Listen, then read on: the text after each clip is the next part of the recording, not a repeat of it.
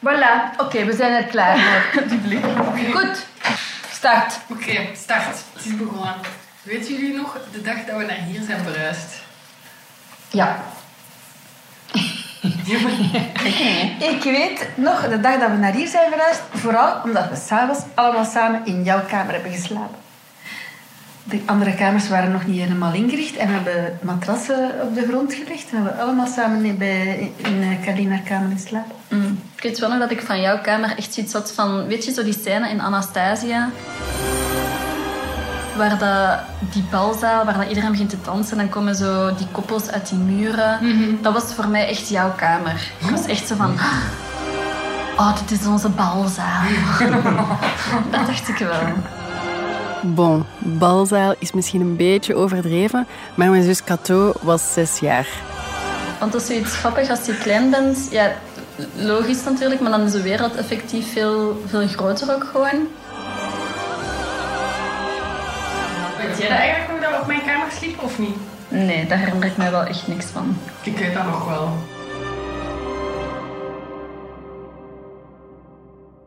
Ik moet een jaar of veertien zijn geweest. Alle matrassen op de grond en samen in mijn slaapkamer slapen. En dat is het moment dat ik voor het eerst heb gefantaseerd over zelf een huis kopen. Om iets van mij te maken.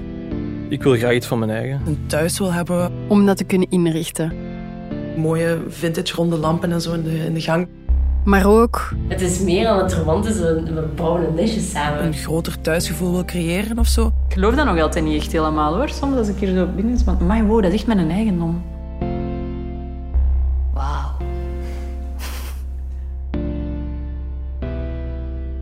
En tegelijk, als ik dan kijk naar mensen die kopen of willen kopen, dan hoor je soms toch ook wel wilde verhalen. We hebben twee jaar en een half gezocht. Elke dag acht uur lang en bij elke pauze dat je hebt, dat scrollen op emo-websites. Die lening, Over hoeveel spreken we dan nog? 100, 200.000 euro Wat extra. dat nu 350 of 400.000 waard is. 150.000 euro boven de vraagprijs. al dat geld. Daar bouwfouten zelfs. Al die kleine drukjes en zo, en wat er allemaal aan vasthangt. Bepaalt heel uw toekomst, hè? En dan heb je een notariskosten. Notarissen, nog zoiets. Ja, dat wordt het moeilijker en moeilijker. Dan moet je ergens een compromis Dank u, ik had het liever niet gedaan. Oké. En dan dacht ik altijd, moet dat dan? Of Moeten misschien niet, maar het voelt soms wel als de enige juiste optie. Aan de ene kant die zekerheid van dat huis. Ik zie dat, wat dat, dat kan betekenen, wat dat, dat zou opbrengen. En ik zoek dat voor een stukje ook. Aan de andere kant, zoveel geld, zo'n lange tijd vasthangen aan een lening, dat heeft toch invloed op de manier dat je leeft. En is mij dat dat dan waard? En waarom ben ik daar dan zo mee bezig met dat idee om een huis te kunnen kopen? Is de zekerheid van een huis mij een lening dan waard? Waar lig jij wakker van? wat houdt je s'nachts wakker? Die vraag. Vijf jonge redacteurs van De Standaard Ik lig wakker van... gaan op zoek naar antwoorden op persoonlijke vragen in de podcastreeks Klaar Wakker. Mijn eigen zoektocht. Dit is de eerste van drie afleveringen over de vraag van Carlien. Ik ben Carlien, ik ben 32 jaar en ik ben journalist bij De Standaard. Wil ik de vrijheid van huren of de zekerheid van kopen? Zekerheid of vrijheid?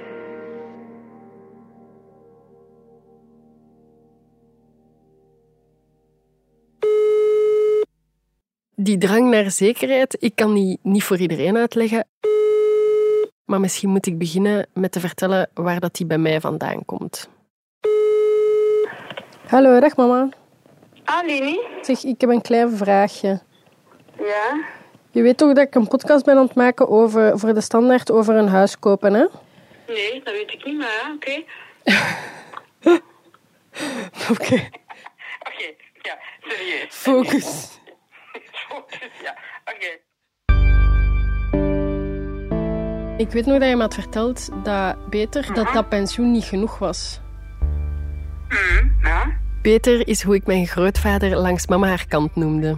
zijn home, dat kostte een 1800 euro per maand. Dus dat was 300 euro tekort elke maand. Mhm.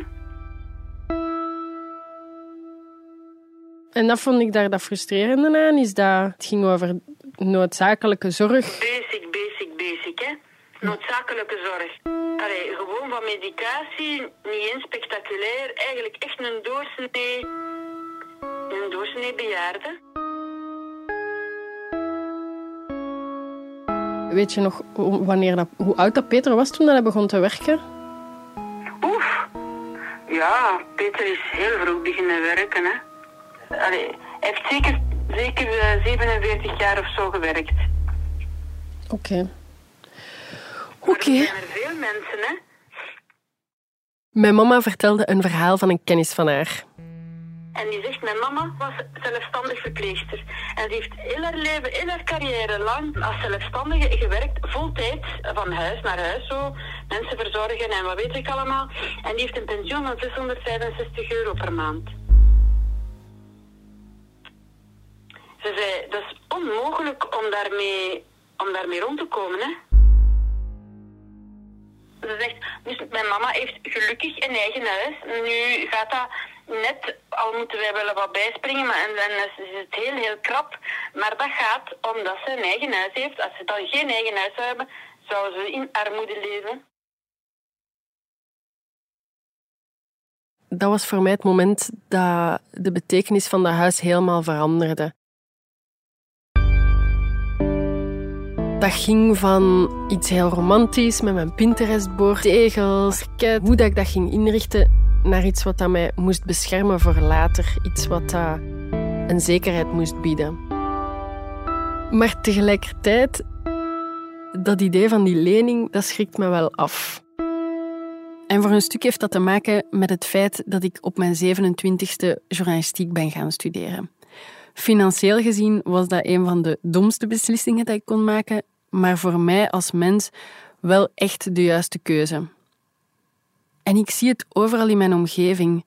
Mensen die wel een lening hebben, of dat ze dat nu willen of niet, dat beïnvloedt hoe dat ze beslissingen kunnen maken. En dat is toch wel een heel groot stuk vrijheid. Die heb ik inderdaad niet meer. Ik denk dat ik ergens vrijheid heb bijgekocht, een enorm stuk vrijheid heb gekocht. En ergens door die vrijheid te kopen ook een ander stuk vrijheid heb verloren. Eh, ik ben Liedewij, ik ben 30 jaar en ik werk voor televisie, voor VRT.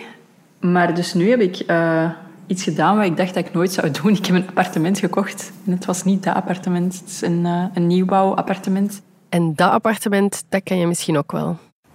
Dit is mijn straat. Een strook in Brussel die ik nu al een jaar deel met honderden anderen. Liedewij maakte voor VRT Mijn Straat. Ik zoek al mijn buren op en sluit vriendschap met iedereen die in mijn straat woont. Ik weet nog dat ik toen zei, ik wil hier nooit niet meer weggaan waarschijnlijk. De dag dat ik hier moet vertrekken, dat gaat echt met veel tranen en tuiten en hoe zeg je dat, gepaard gaan. Ik ken weinig mensen die zo gehecht zijn aan hun huurhuis als Liedewij. Ze heeft er dan ook acht jaar gewoond. En dus was ik nog meer verbaasd als ze opeens tijdens ons gesprek zegt... Dat is nooit een droom van mij geweest, om zoiets van mezelf te hebben. Dat is eigenlijk nu pas een droom die aan het uitkomen is, nu dat ik hem heb. Maar ik denk dat dat ook te maken heeft met zo het feit dat ik nu 30 jaar ben.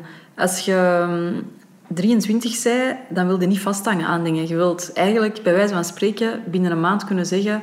Uh, oh, nu heb ik zin om op reis te gaan, ik ga een wereldreis maken. En, maar die, al die dingen, zo die impulsieve dingen, die ik trouwens toch niet heb gedaan hoor, in mijn leven, maar gewoon het, het gevoel van het te zouden kunnen, dat is veel waard. Hè? Dat is ook wel een gevoel dat bij mij speelt. Kiezen is verliezen. Maar wat me dan nog meer verbaast als ze vertelt dat ze heeft gekocht en waarom dat ze dat deed, dat ze ook dit zegt. Ik, wou, ik denk dat ik het mij nooit wil beklagen als ik bijvoorbeeld 70 of zo ben, of 80, weet ik veel. En je hebt mensen die op die leeftijd zijn en nog moeten huren en aan keizware prijzen vasthangen, omdat ze gewoon nooit de middelen hebben gehad om iets te kopen. Maar ik zou denk ik wel spijt hebben als ik op die leeftijd in die situatie zit en denk, shit, ik had het wel gekund op mijn 30 en ik heb het niet gedaan. Dat denk ik wel dat ik dan zou balen. Zolang dat ik huurde, had ik wel altijd het gevoel van... "Ach, ik ben eigenlijk ook wel een beetje geld aan het wegsmijten tussen haakjes. En dat is nu wel, nu heb je het gevoel, je betaalt zwaar af, maar dat doet je ook voor jezelf op lange termijn. Liedewij heeft ook wel tien jaar gespaard om te kunnen kopen. Ze heeft samengewoond, geen grote uitgaven gedaan. En dat gevoel van in zichzelf te investeren, dat veranderde nu wel hoe dat ze naar dat huis kijkt. Ze woont er nog maar zes maanden en toch... Ik voel wel dat ik nu zo... In het begin was dat wel echt extreem. Hè? Dan kwam ik zo binnen en zo elke kras of zo dat er. Ah! Dat is gewoon omdat je weet dat elke kras duizend euro kost. voor, nee, bij wijze van spreken voor wat jij hebt betaald. Maar ook aan die spullen, want daar heb je dan ook zwaar voor betaald. Zetel, en, en dat vind ik wel een beetje jammer. Dat, dat maakt mij ergens ook wel zo minder vrij of zo. En toch heb ik het gevoel dat ik redelijk onafhankelijk leef nu.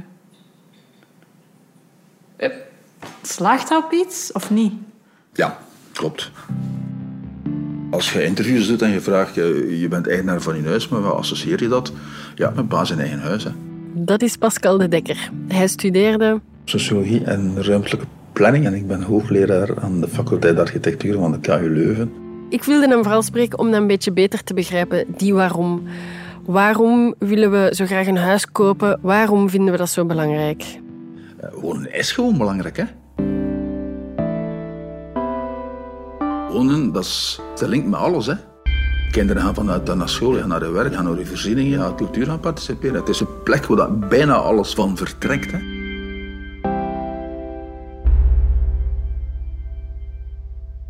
Hoe dat die woningen er dan uitziet, ja, dat is geëvolueerd. Hè. Eh, In de 19e eeuw kan je zeggen, was dat een soort beschutting voor de meerderheid. Hè. Een dak boven je hoofd en veel meer was het niet. Vandaag is dat, nu ideologisch kijken op de wereld, Allee, vooral na de Tweede Wereldoorlog is dat consumptie geworden. Hè. Ja, er is daar een hele economie rond ontstaan. Hè. Ja, de woning is niet alleen de woning, maar dat is ook eh, alle toestellen die erin zitten. Dat is inderdaad ook. eh, dan vooral een adres, dat is een statussymbool in de kranten. Elke krant heeft zijn eh, bij- weekendbijlagen met, met woningen. eh, soms de meest chique dingen staan daarin. Dat creëert natuurlijk wel een wensbeeld. Hè. Als je naar alle tv-programma's kijkt. Elk jaar schrijven meer en meer wanhopige gezinnen zich in voor blind gekocht. Dit is Extreme Makeover Vlaanderen. Drie vastgoedverkopers gaan de strijd aan met elkaar. In een race tegen de klok. De grootste plannen voor de kleinste huisjes. Compleet huis renoveren. Droomhuis. Tiny House Battle. Voor onze kopers. Nu op VTM Go. Want die baksteen die wij in onze maag voelen, die komt daar ook niet zomaar. Omdat er een beleid opgevoerd werd. Hè. En als je dat terug probeert te analyseren, hoe is dat ontstaan, gaat het terug naar de reactie op de industrialisering van de 19e eeuw. Oké, ik probeer me iets voor te stellen bij dat België uit de 19e eeuw. Stel u een beetje de film Daans voor. België is nog een vrij jonge staat. De eerste trams, getrokken door paarden, rijden door Brussel. De gemiddelde Vlaming is nog vaak boer. En dan komen de eerste grote fabrieken er. Mensen trekken van het platteland naar de stad.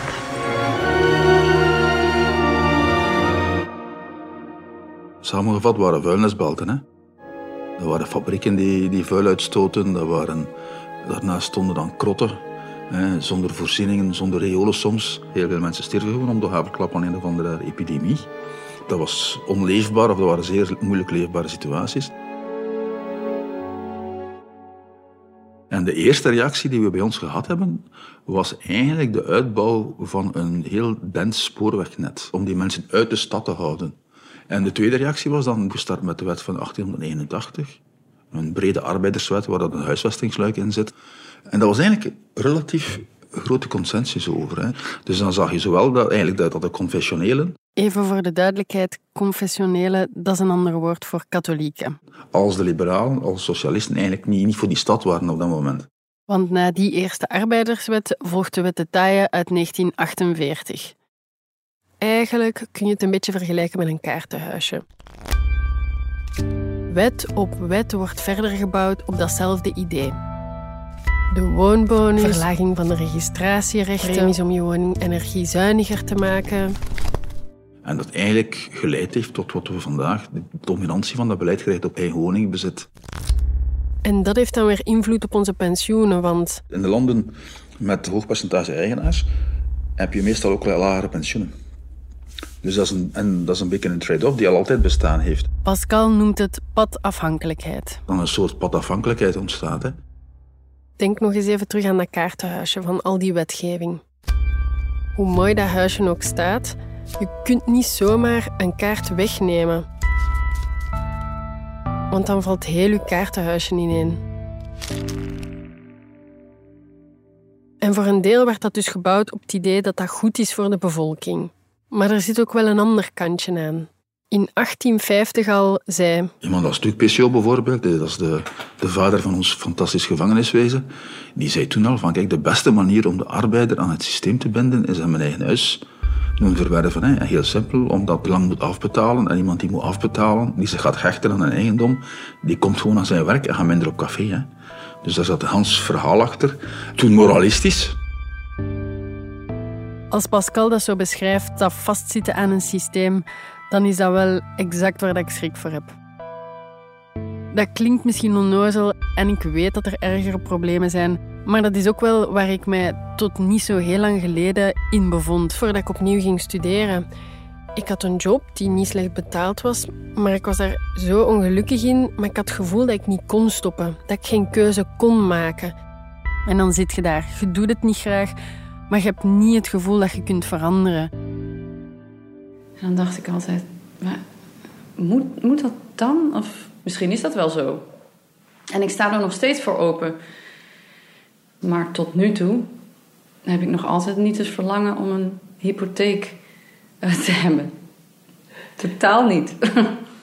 Dat is Sanne.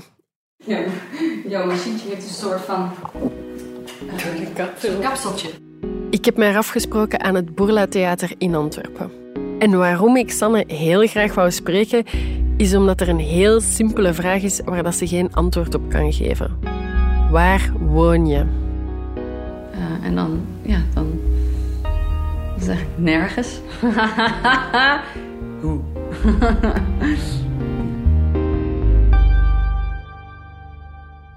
Oké, nergens, dat is ook niet helemaal waar. Officieel is Sanne bij haar ouders gedomicileerd, maar ze heeft geen vaste plek. En dat heeft ook wel een beetje met haar werk te maken. Want Sanne is actrice. Je kent haar misschien uit de serie Twee Zomers. Meestal als ik werk, dan krijg ik een plekje om te zijn. Dus in de praktijk was het zo dat ik inderdaad soms een paar maanden in een appartement of ergens waar ik dan in, ge, in gestopt word, vrijwillig, om te werken aan een project. En dan weer een paar weken in mijn camper zat. Die camper, dat is misschien nog het meest vaste plekje dat Sanne dan heeft. Of ik moet eigenlijk zeggen had, want ondertussen... Ik heb ondertussen mijn camper verkocht. En dat vond ik wel echt zot, want... Dan heb je dus echt even geen, geen concept van thuis meer. En het eerste wat dat in mij opkwam was... Wilt ze dan helemaal geen zekerheid? Vindt ze dat dan niet eng en moeilijk? Nee. Ik vond het vooral uh, bevrijdend. En kijk, er is ook een deel van mij wat wil vasthouden aan dingen. En wat veiligheid wil. Dat ga ik niet ontkennen. En natuurlijk, dan voelt een deel van mij, oh wat jammer. En ik vind het heerlijk om daarin te rijden. En als ik dan de muziek opzet en als ik dan daar al die, al die dingen.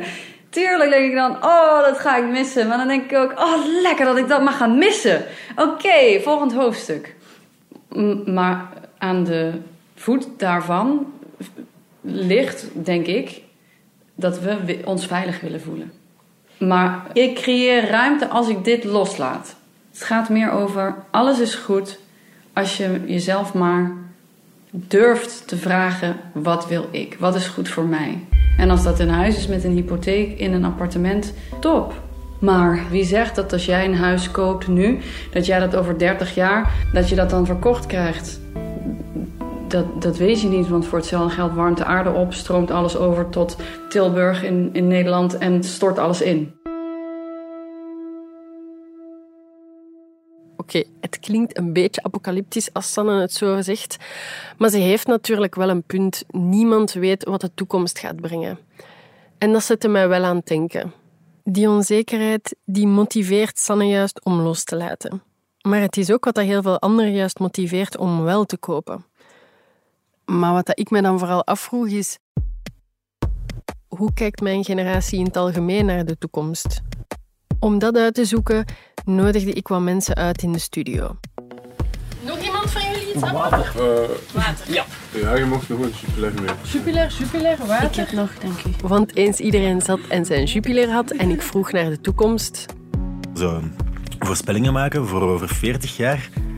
De wereld evolueert zo snel op zoveel verschillende vlakken. Ik ben daar misschien wat pessimistisch in. Ja, we zitten met vergrijzingen en dergelijke meer. Het is nu al moeilijker. Als je dat dan doortrekt naar, naar de toekomst... Wat dat voor mij impliceert dat het onmogelijk is om mij enigszins een beeld te hebben van hoe dat, mijn, allez, hoe dat de wereld rond mij er zal uitzien als ik pensioensgerechtigde leeftijd heb.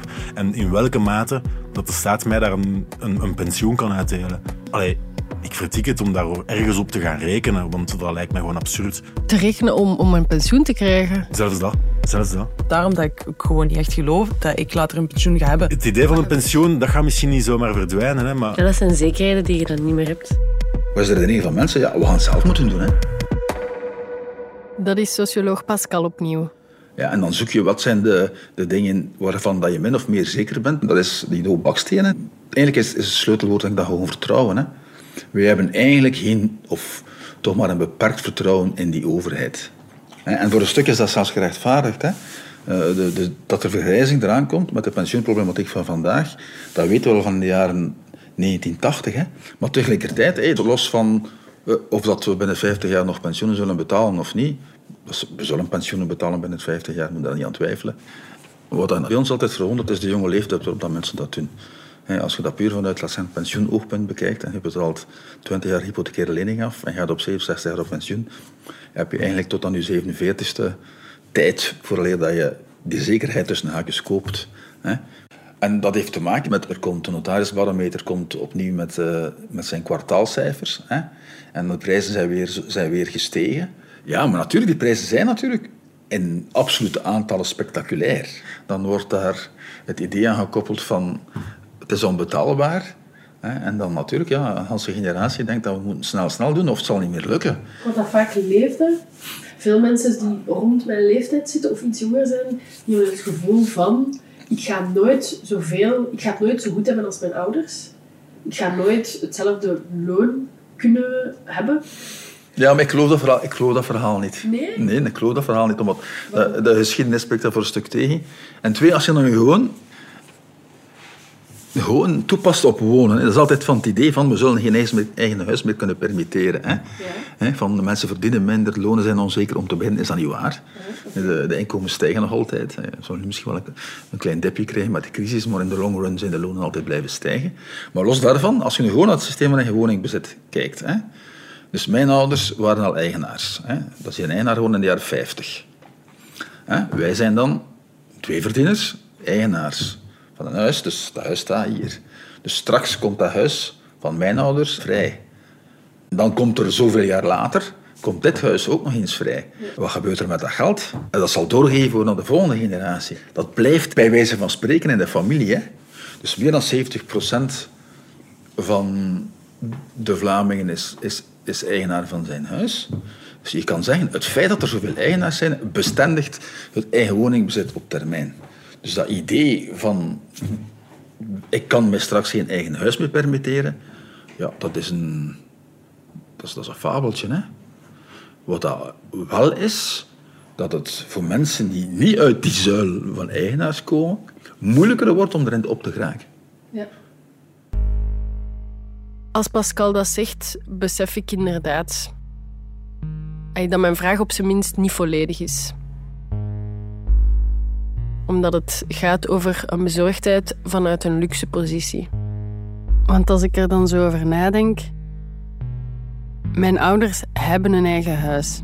En ooit, hopelijk duurt het nog heel heel lang, ga ik dus wel erven. Dus ik kan de keuze maken om te zeggen: wat als ik niks bezit? 7 op 10, die 70 procent. Meer dan 70 procent van de Vlamingen is eigenaar van zijn huis. Dat getal dat blijft zo'n beetje door mijn hoofd spoken, omdat 7 op 10 betekent ook 3 op 10 die het niet kunnen.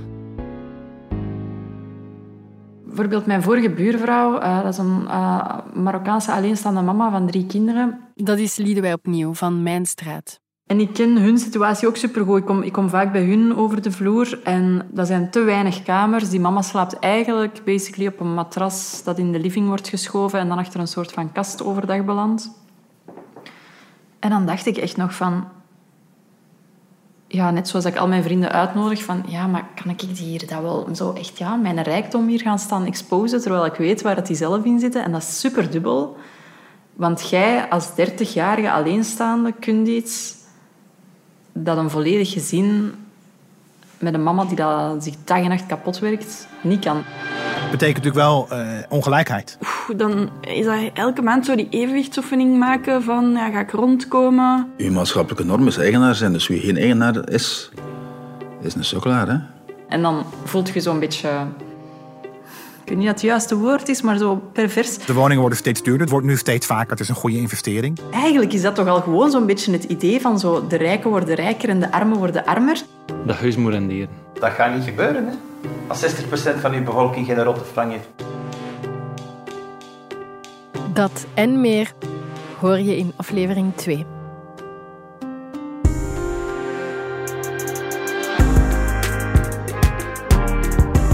Dit was aflevering 1 over de vraag van Carlien. Een podcast in drie afleveringen gemaakt door Carlien Bekkers en Fien Dille. Brecht Plasgaard mixte, schreef de muziek en herwerkte Debussy's La Cathédrale Engloutie. Beluister ook de andere podcasts van Klaarwakker. Volg Klaarwakker in de podcast-app van de Standaard of op uw favoriete podcastplatform.